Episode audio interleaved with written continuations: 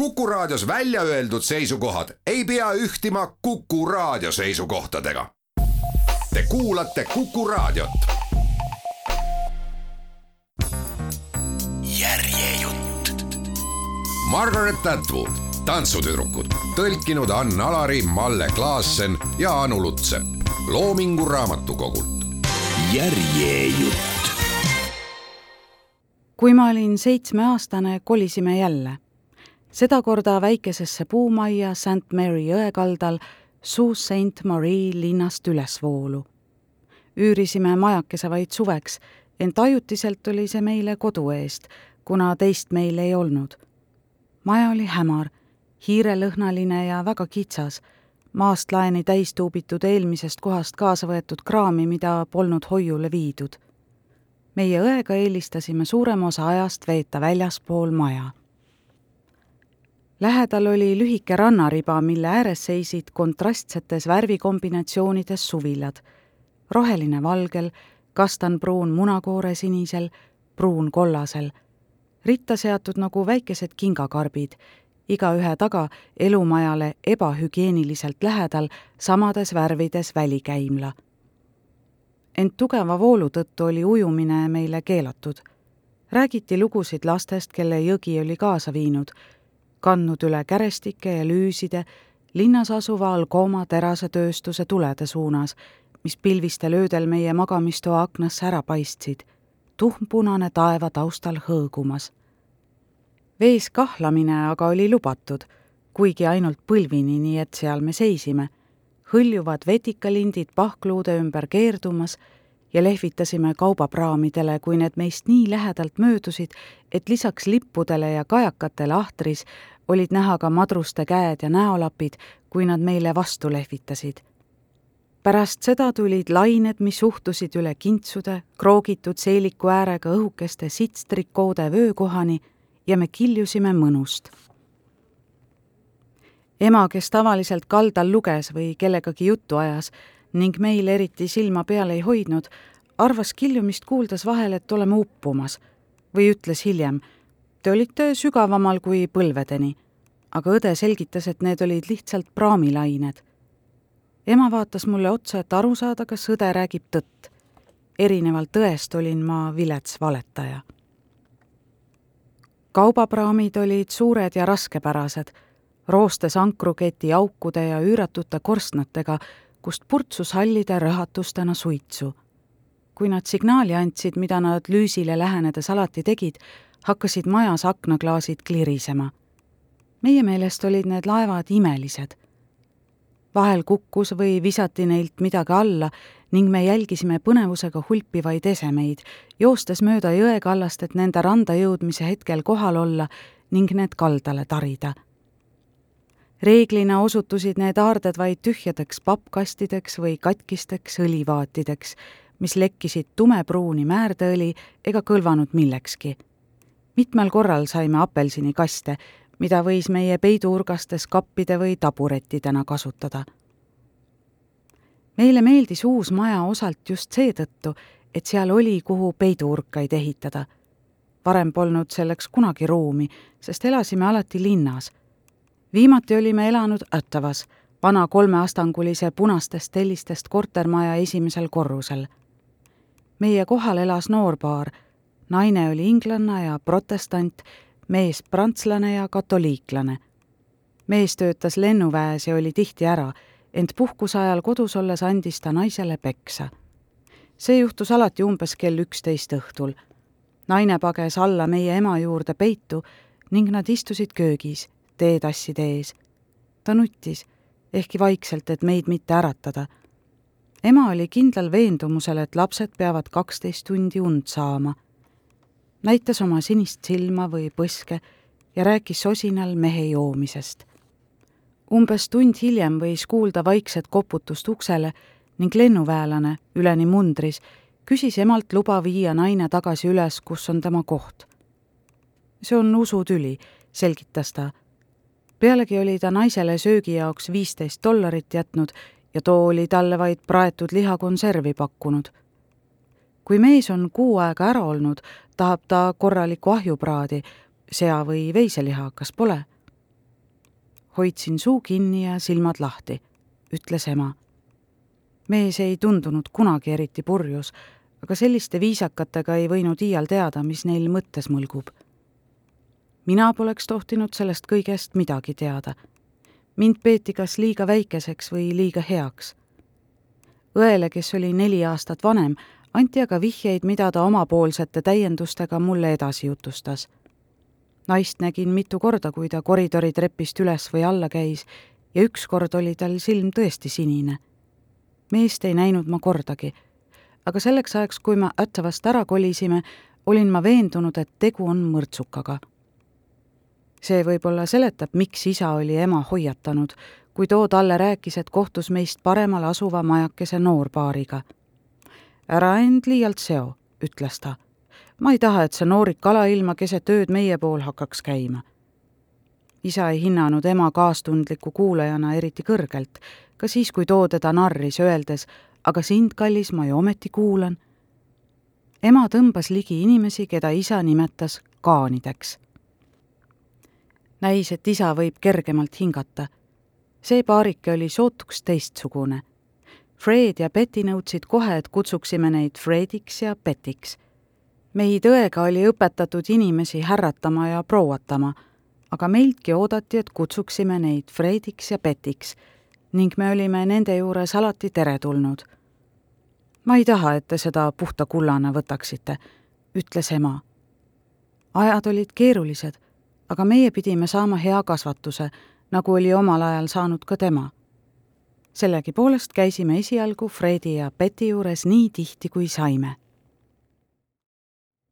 Fredi ja Betty majake oli täpselt sama suur kui meie oma, ent kuna seal oli vähem mööblit, tundus kõik avaram. meil olid tubade vahel laimiroheliseks värvitud puitkiudplaadist seinad, millel võis näha eelmiste omanike riputatud piltidest jäänud heledamaid laike Betty aga oli seinad asendanud ehtsa vineerplaadiga ning värvinud maja seest helekollaseks. kööki oli ta õmmelnud kollase valgekirjud kardinad, mille mustriks olid munast kooruvad tibud. kangajääkidest oli ta samasuguse põlle õmmelnud. Nad polnud mitte üürnikud, vaid omanikud. ema ütles, et siis pole kahju rohkem vaeva näha.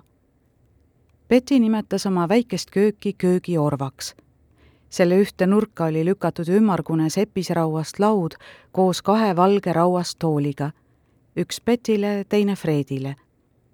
Betty kutsus seda hommikusöögi nišiks. Fredi ja Betty juures oli tunduvalt rohkem teha kui kodus. Neil oli seest tühi, värvitud klaasist lind, mis istus veeklaasi äärel ja kiikus üles-alla, pistes pea lõpuks vette, et lonksuke võtta. välisukse peal oli rähnikujuline koputi kui nöörist tõmmata, koputas rähn uksele. samuti oli neil linnukujuline vile, mille sisse sai vett panna ja puhuda, nii et see hakkas trillerdama, justkui ehtne kanaarilind, nagu ütles Betty. ja nad ostsid värviliste koomiksitega laupäevalehte. vanemad seda ei ostnud, sest nad ei tahtnud, et me igasugust pahna loeksime, nagu nad selle kohta ütlesid aga Fred ja Betty olid meiega nii sõbralikud ja lahked, et mis siin ikka parata, leidis ema. kõigist neist vidinatest olulisem oli aga Fred. me mõlemad armusime temasse. õde ronis alatasa talle sülle ja teatas, et Fred on tema kavaler ja et kui ta suureks saab, siis nad abielluvad. siis lasi ta Fredil endale koomikseid ette lugeda ja kiusas teda, proovides tal piipu suust ära napsata või tema kingapaelu kokku siduda. tundsin sama aga teadsin, et seda pole mõtet öelda. õde oli ta enda omaks kuulutanud. kui ta ütles, et ta midagi teeb, siis tavaliselt nii ka läks. ja ta ei sallinud, et ma teda ahvin, nagu ta selle kohta ütles. nii et ma istusin hommikusöögi nišis raudtoolil, samal ajal kui Betty kohvi keetis ja jälgisin õde ja Fredi elutoa diivanil. miski Fredis tõmbas inimesi ligi. ema, kes ei olnud flirtija tüüp, püüdes pigem tarkusega muljet avaldada, muutus mehe juuresolekul elavamaks. Fred meeldis isegi isale, kes temaga vahel mõne õlle tegi, kui too linnast tagasi jõudis. Nad istusid Fredi verandal Betty kollastes rotangtoolides, peletasid sääski ja rääkisid pesapalli hetkeseisust. tööst rääkisid mõlemad harva. ma ei tea, millega Fred tegeles, aga ta töötas mingis kontoris. ema ütles, et isa tegeleb tapeetidega. Aga ma ei saanud kunagi täpselt aru, mida see tähendab. palju põnevam oli, kui nad sõjast rääkisid. isa oli sellest seljahäda tõttu pääsenud, oma suureks pettumuseks, ent Fred oli teeninud mereväes. ta jäi üsna kidakeelseks, ehkki isa proovis sellest juttu teha aga Betty oli meile rääkinud, et nad kihlusid vahetult enne seda, kui Fred sõtta läks ning abiellusid kohe, kui mees tagasi jõudis. Betty oli talle igal õhtul kirjutanud ja kirjad kord nädalas posti pannud. ta ei maininud, kui tihti Fred vastu kirjutas.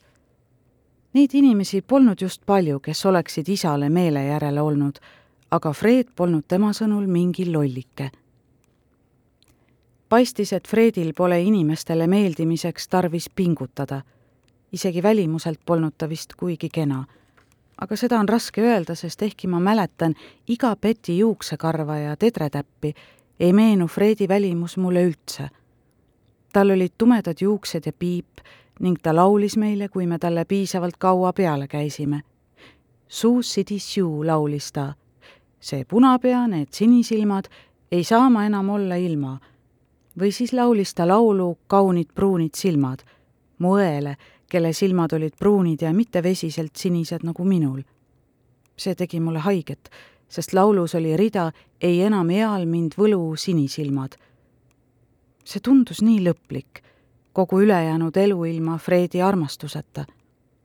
kord hakkasin ma nutma, mis veelgi hullem, ei suutnud kellelegi selgitada, mis lahti on mul tuli taluda Fredi naljatleva muretsemise ja õe halvakspanu alandust ning veel hullemat alandust, kui Betty mu köögiorva viis ja seal lohutada püüdis. alandav oli see sellepärast, et isegi mulle oli selge, et Betty ei saanud asjadest hästi aru. ära tee temast välja, ütles ta, olles ära arvanud, et mu pisarad on kuidagi seotud Frediga. aga just seda nõuannet ei saanud ma kuulda võtta Fred on nagu kass, kes ei liigutaks sinu heaks tegelikult lillegi, ütles ema hiljem. Seega oli ebaõiglane, et kõik jumaldasid Fredi, ent mitte keegi ei armastanud Bettit, hoolimata kogu tema lahkusest. alati oli Betty see, kes meile uksele vastu tuli, sisse kutsus ja meiega juttu tegi, samal ajal kui Fred diivanil lösutas ja lehte luges. Betty toitis meid küpsiste ja piimakokteilidega ning lubas tainakausi puhtaks limpsida, kui kooki küpsetas. ta oli nii kena inimene, kõik korrutasid seda, aga Fredi kohta poleks nad küll nii öelnud. Fred näiteks ei naernud eriti ja naeratas ainult siis, kui ta midagi ebaviisakat ütles, enamasti mu õele. jälle vitsutad, jah, ütles ta sageli. kuule, kottpüks. Betty aga ei öelnud kunagi midagi niisugust ja naeratas või naeris alatasa Bettit ajas väga naerma, kui Fred teda Betty Grabliks kutsus, mida juhtus vähemalt kord päevas. ma ei saanud aru, miks see talle nalja tegi. küllap tuleb seda komplimendiks pidada, mõtlesin ma. Betty Grable oli kuulus filmitäht, tema pilt oli rõhknaeltega Fredi ja Betty välikäimla seinale kinnitatud. nii mulle kui mu õele meeldis Fredi ja Betty välikäimla rohkem kui meie oma Neil olid kardinad akna ees, mitte nagu meil, ning väike puust karp ja sellega sobiv lusikas seebikivi pulbri jaoks. meil oli ainult pappkast ja vana kühvel. Betty ei sarnanenud tegelikult eriti Betty Grable'iga, kes oli blond ja mitte nii priske nagu meie Betty. ometi leidsin ma, et mõlemad on kaunid. mõistsin alles palju hiljem, et Fredi võrdlus oli julm Betty Grable oli nimelt tuntud oma jalgade poolest. meie Betty jalad olid aga kogu pikkuses puusajoonest maani välja, ilma ühegi kurvi või kumeruseta. tollal tundusid need jalad mulle täiesti tavalised. köögiorvas istudes nägin ma Betty jalgu tihti, sest ta kandis õlapaeltega toppi ja lühikesi pükse, mille peale oli seotud kollane põll millegipärast ei tahtnud Betty jalad kuidagi pruuniks minna vaatamata kõigile neile tundidele, mis ta veetis rotangtoolis heegeldades ülakeha verandakatuse all varjus, jalad välja päikese kätte sirutatud. isa ütles, et Petil pole huumorimeelt. mina ei saanud sellest üldse aru. kui sa talle mõne nalja rääkisid, naeris ta alati, isegi kui sul midagi sassi läks, ja ka temal olid omad naljad. näiteks kirjutas ta trükitähtedega sõna tugitool, nii et U oli väiksemas mustas ja paksemas kirjas kui ülejäänud tähed. mis see on? küsis ta. see on väike must uuke tugitoolis. esimesel korral ei saanud ma aru, nii et ta pidi selgitama. väike mustuke, ütles ta, kergelt esile ulatuvad hambad heatujuliselt helkimas.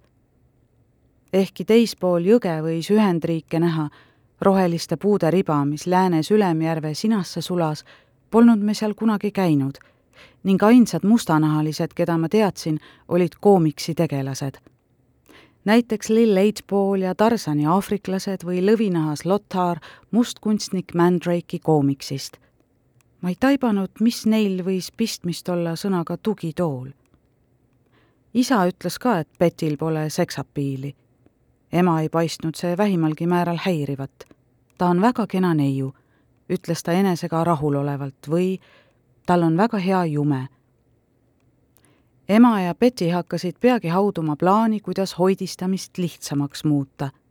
ehkki sõda oli läbi, oli enamikul siinsetel elanikel veel sõjaaegne aialapp alles ning juulis ja augustis tuli võimalikult palju puu- ja köögivilju sisse teha. ema aialapp oli innutu nagu enamik tema majapidamisega seotud jõupingutusi Kemmergu kõrval asus väike peenramaa, kus üleküpsenud tomatitaimede võsa ning paari ebaühtlase porgandi ja peedirea kohal looklesid kõrvitsaväädid. ema sõnul oli tal annet eelkõige inimeste peale. Petil ja Fredil aga polnudki aeda. Fred poleks seal tööd teha tahtnud ja kui ma praegu Peti peale mõtlen, saan aru, et aed oleks olnud tema jaoks liiga ohjeldamatu see-eest lasi ta Fredil kilode kaupa maasikaid, virsikuid, ube, tomateid ja Concordi viinamarju osta, kui mees linnas käis. nii veenis ta ka ema oma aeda unarusse jätma ning üüratuks hoidiste teoks jõudusid ühendama. ema puupliit oli taolisteks ettevõtmisteks talumatult kuum. Peti väike elektripliit aga liiga pisike nii et Betty lasi poistel, nagu ta Fredi ja isa kutsus, seni kuivkäimla taga roostetanud vana raudpliidi vraki püsti panna. see paigutati meie tagaaeda ning ema ja Betty istusid sageli õue viidud köögilaua taga ning koorisid, lõikusid ja jutustasid, Betty ümarad nõelapadjapõsed kuumusest punasemad kui tavaliselt ning emal vana rätt pea ümber seotud nagu mustlasel. Nende selja taga podisesid ja aurasid hoidiste pajad ning laua otsale sugenes üha rohkem ajalehtedele tagurpidi jahtuma asetatud klaaspurke, mis vahel lekkisid või muranesid. õde ja mina luusisime mööda aiaääri, piisavalt tabamatud, et meid tööle ei pandaks, noolides tühja kuueliitriseid korve.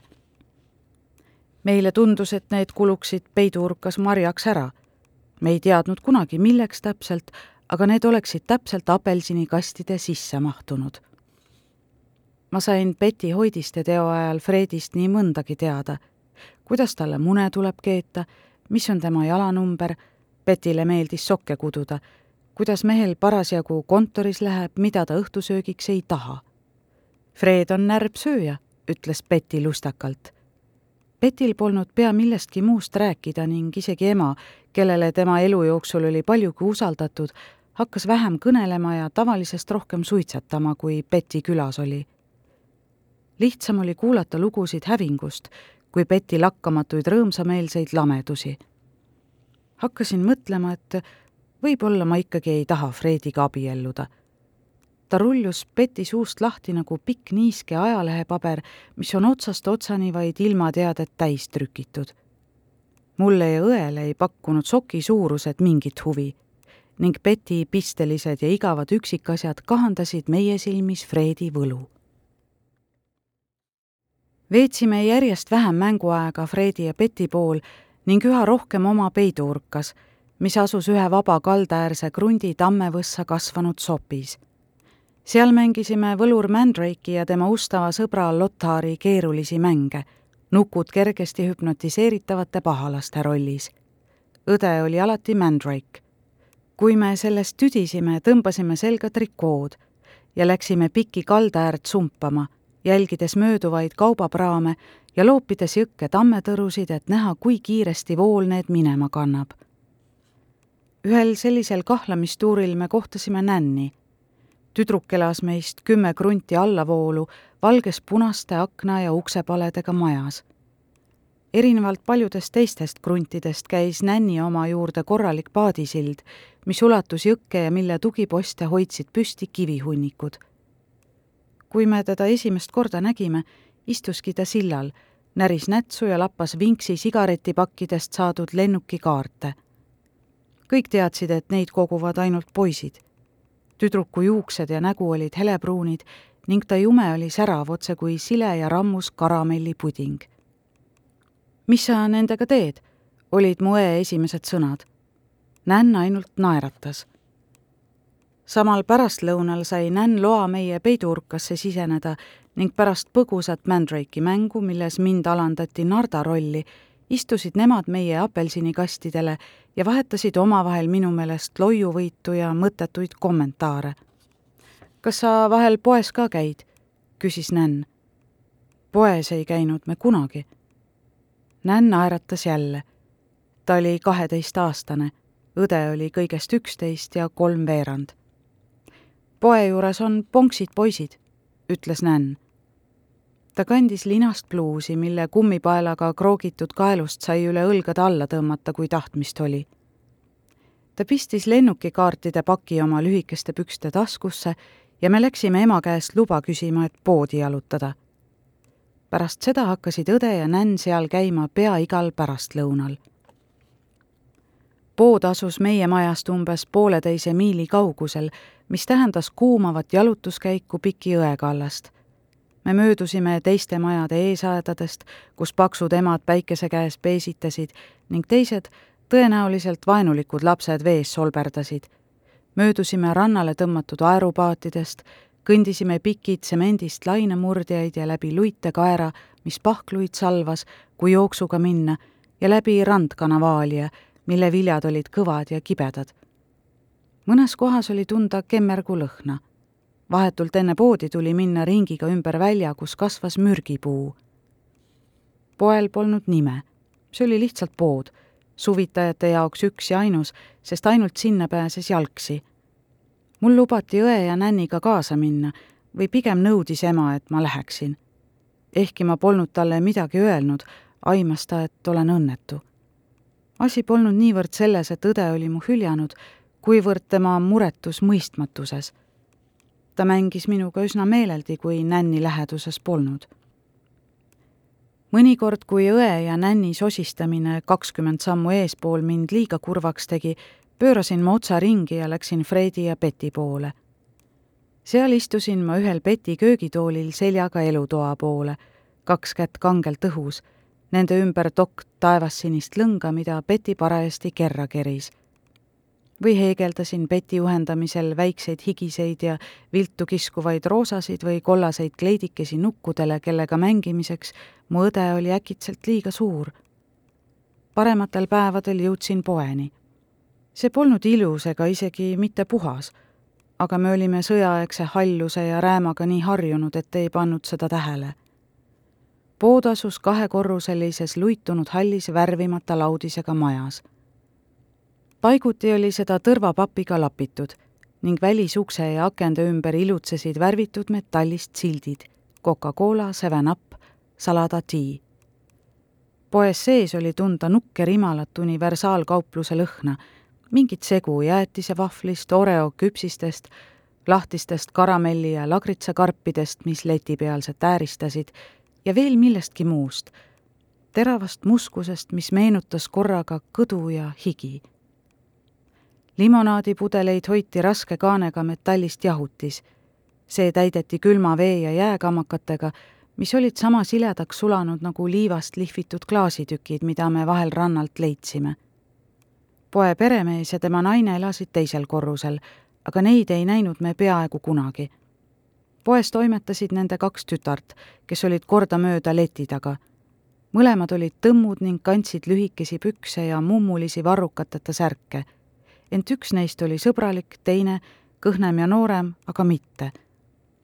ta võttis meie mündid ja libistas need sõnagi lausumata kõlinal kassaautomaati, pilk üle meie peade sihtimas akent, mille ees rippusid otsekui rosinatega kaetud kärbsepaberid, nagu viibiks ta täiesti eemal tegevusest, millega ta käed parajasti ametis olid. tal polnud meie vastu midagi, ta lihtsalt ei näinud meid. tal olid pikad juuksed, tukk otsa ette justkui rulli keeratud ning lillakaks võõbatud huuled. kui me esimest korda poodi läksime, saime teada, miks Nänn lennukikaarte kogus. pinnulisel hallil poetrepil istusid kaks poissi, käed ümber põlvede. õde oli õpetanud, et parim viis poistega käituda on neist mitte välja teha, muidu võivad nad sind tüütama tulla aga need poisid tundsid Nänni ja rääkisid temaga mitte norivalt, nagu meie harjunud olime, vaid aupaklikult. on sul midagi uut? küsis üks neist. Nänn naeratas tõmbas käega läbi juuste ja kehitas oma linase pluusi sees kergelt õlgu. siis tõmbas ta aeglaselt lennukikaardid püksitaskust välja ja asus neid läbi lappama. aga sinul? pöördus teine poiss mu õe poole. Kortki tundis too end tühisena. pärast seda veenis ta ema marki vahetama ja sai sel moel oma paki kokku umbes nädal hiljem nägin, kuidas ta harjutas peegli ees seda ahvatlevat liigutust, millega kaardid püksitaskust välja libisesid otse kui võluri madu. kui mina poes käisin, pidin alati emale Pätsi vahapaberis saia tooma ja vahel ka paki Jiffi koogipulbrit, kui neil seda oli. Õele selliseid kohustusi ei pandud. ta oli juba avastanud, milliseid eeliseid annab see, kui sind peetakse ebausaldusväärseks. tasuks ja ma olen kindel, et ka lohutuseks andis ema mulle iga poeskäigu eest ühesendise mündi ning kui ma olin neid viis tükki kokku saanud, ostsin oma esimese pulgajäätise. ema polnud tahtnud neid meile varem osta, ehkki vahvlijäätis oli lubatud. ta ütles, et pulgajäätises on midagi kahjulikku ja kui ma poetrepil istudes jäätise kuni pulgani ära limpsisin, katsusin ma seda üles leida kujutasin ette mingit südamikku, mis sarnaneb maisitera valge küünekujulise osaga, aga ei leidnud midagi. õde ja nänn istusid minu kõrval trepil. tol päeval polnud ühtki poissi näha, nii et neil polnud midagi peale hakata. kuumus oli rängem kui tavaliselt ja lausa läpatav. Õhk jõe kohal virvendas ja kaubapraamid kõikusid kergelt, kui nad läbi selle liuglesid. pulgajäätis sulas juba enne, kui ma seda sööma jõudsin hakata pakkusin õele sellest poolt, mille ta loodetud tänutundeta vastu võttis. Nänn sai tema jaost oma osa. poe nurga tagant ilmus välja Fred ja tuli ukse poole. selles polnud midagi üllatavat, olime teda ka varem mitu korda poes kohanud. tere, kaunitar, ütles ta õele. nihutasime trepile oma tagumikke, et ta uksest sisse lasta. Läks tükk aega, enne kui ta välja tuli, saiapäts käes ta küsis, kas tahame küüti. ta on just teel linnast koju, ütles ta. muidugi ütlesime jah. selles kõiges polnud midagi erilist, kui välja arvata, et poodniku tütar, see kõhnem ja lillasuine, tuli uksest välja ja seisis trepil, kui me ära sõitsime. Ta võttis sisse tegevusetult uksel seisva naise poosi, käed vaheliti rinnal, õlad längus. ta ei naeratanud arvasin, et ta tuli välja selleks, et näha Kanada aurikukompanii kaubapraami, mis parajasti mööda sõitis, aga siis märkasin, et ta piidleb Fredi. ta nägi välja, nagu tahaks mehe ära tappa. Fred ei teinud märkamagi. ta laulis terve kodutee Keiti, oo kaunis Keiti, pilgutades silma õele, keda samuti vahel Keitiks kutsuti, sest ta nimi oli Catherine autoaknad olid lahti ja vakku sõidetud kruusatee tolm voogas sisse, värvides meie kulmud heledaks ning muutes Fredi juuksed halliks. iga kord, kui auto rappus, kilkasid õde ja nänn naerda ning mõne aja pärast unustasin ma tunde, et olen tõrjutu ning pistsin samuti kiljuma. tundus, nagu oleksime seal kaua elanud, ehkki tegelikult oli see kõigest üks suvi augusti alguseks olin nii Attava korteri kui ka mehe, kes oma naist peksis, peaaegu unustanud. see oli juhtunud mingis kauges elus ja vaatamata siinsele päikesepaistele, veele ja avarusele, oli too elu olnud õnnelikum. varem oli sage kolimine ning uute koolidega seotud ebakindlus pannud õe mind hindama. olin neli aastat noorem, aga truu ja alati olemas. Nüüd aga olid need aastad kuristik meie vahel, tühi maariba otse kui rand, mida mööda nägin teda üha kaugenemas. igatsesin olla täpselt tema moodi aga ei näinud enam, milline ta on. augustikuu kolmandal nädalal hakkasid lehed värvi muutma, mitte kõik korraga, vaid mõni üksik punane leheke kord siin, kord seal, nagu hoiatus. see tähendas, et peagi algab kool ja tuleb jälle kolida. Me isegi ei teadnud, kuhu sel korral kolima pidime ja kui Nänn meilt küsis, kus koolis me käime, puiklesime vastusest kõrvale ma olen kaheksas erinevas koolis käinud, ütles õde uhkelt. kuna olin nii palju noorem, olin mina käinud vaid kahes. Nänn, kes oli kogu elu samas koolis käinud, libistas seepeale oma pluusi kaeluse üle õlgade kuni küünarnukkideni alla ja näitas meile, et ta rinnad on kasvama hakanud. Ringid tema nibude ümber olid pehmenenud ja kergelt väljapoole punnis. muus osas oli ta sama lame nagu mu õde kah mul asi, ütles õde oma särki üles tõmmates. tegu oli võistlusega, milles mina ei saanud osaleda. see oli seotud muutumisega ja mind heidutasid muutused üha rohkem. jalutasin mööda randa tagasi Beti poole, kus mind ootas mu viimati pooleli jäänud vilets heegeldustöö ja kus kõik oli alati sama. koputasin välisuksele ja tegin selle lahti tahtsin küll öelda, kas ma võin sisse tulla, nagu alati, aga ei öelnud. Betty istus üksinda hommikusöögi nišis rauast laua taga. tal olid jalas lühikesed püksid ja seljas tumesinise valge triibuline madrusesärk, väike ankrukujuline bross rinnas, ees kollaste, munast kooruvate tibudega põll. Ometi kord polnud ta parajasti millegagi ametis ning tema ees polnud ka kohvitassi.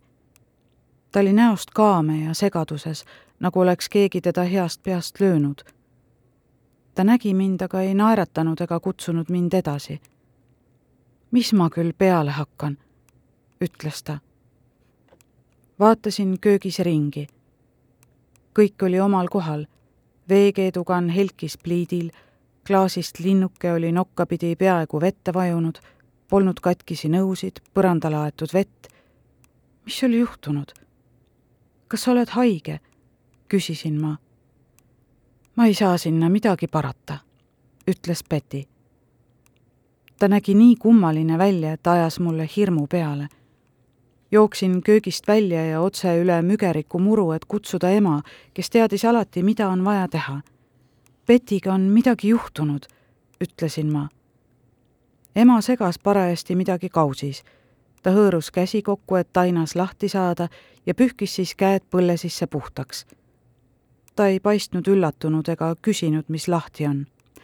jää sina siia, ütles ta. ta võttis oma suitsupaki ja läks uksest välja. tol õhtul pidime õega vara magama minema, sest ema tahtis isaga rääkida. Me kuulasime muidugi pealt, läbi puitkiudplaadist seinte oli kõik osta. ma nägin seda ette, ütles ema, juba tükk aega tagasi. kes see siis on? küsis isa. Betty ei tea ütles ema, mingi tüdruk linnast. Betty on lollike, ütles isa. on alati olnud. hiljem, kui abikaasade lahkuminek tavalisemaks muutus, ütles isa seda sageli, aga ükskõik kumb osapool teise maha oli jätnud, nimetas ta lollikeseks just naist. isa suurim kompliment temale oli, et too pole mingi lollike. võib-olla, ütles ema aga temast südamlikumat tüdrukut on raske leida. mees oli talle kogu elu. hakkasime õega sosistama. tema teooria oli, et Fred lasi Betty juurest mingi teise naisega jalga. mina seda ei uskunud. Ma polnud kunagi midagi säärast kuulnud. olin nii endast väljas, et mul ei tulnud und ning veel pikka aega pärast seda läksin ma ärevile, kui isa öösel ära oli, nagu sageli juhtus. mis siis, kui ta ei tule enam tagasi? Betit me pärast seda enam ei näinud. teadsime, et ta on kodus, sest iga päev viis ema talle oma sitkeid ja muhklikke küpsetisi, otse kui oleks neil keegi surnud. Aga meil oli rangelt keelatud sinna minna või akendest sisse piiluda. ilmselt aimas ema, kui väga me seda oleksime tahtnud. ta on päris liimist lahti, ütles ema, mis minu kujutluses nägi välja nii, et Peti lamab põrandal laiali lammutatud nagu töökotta jäetud auto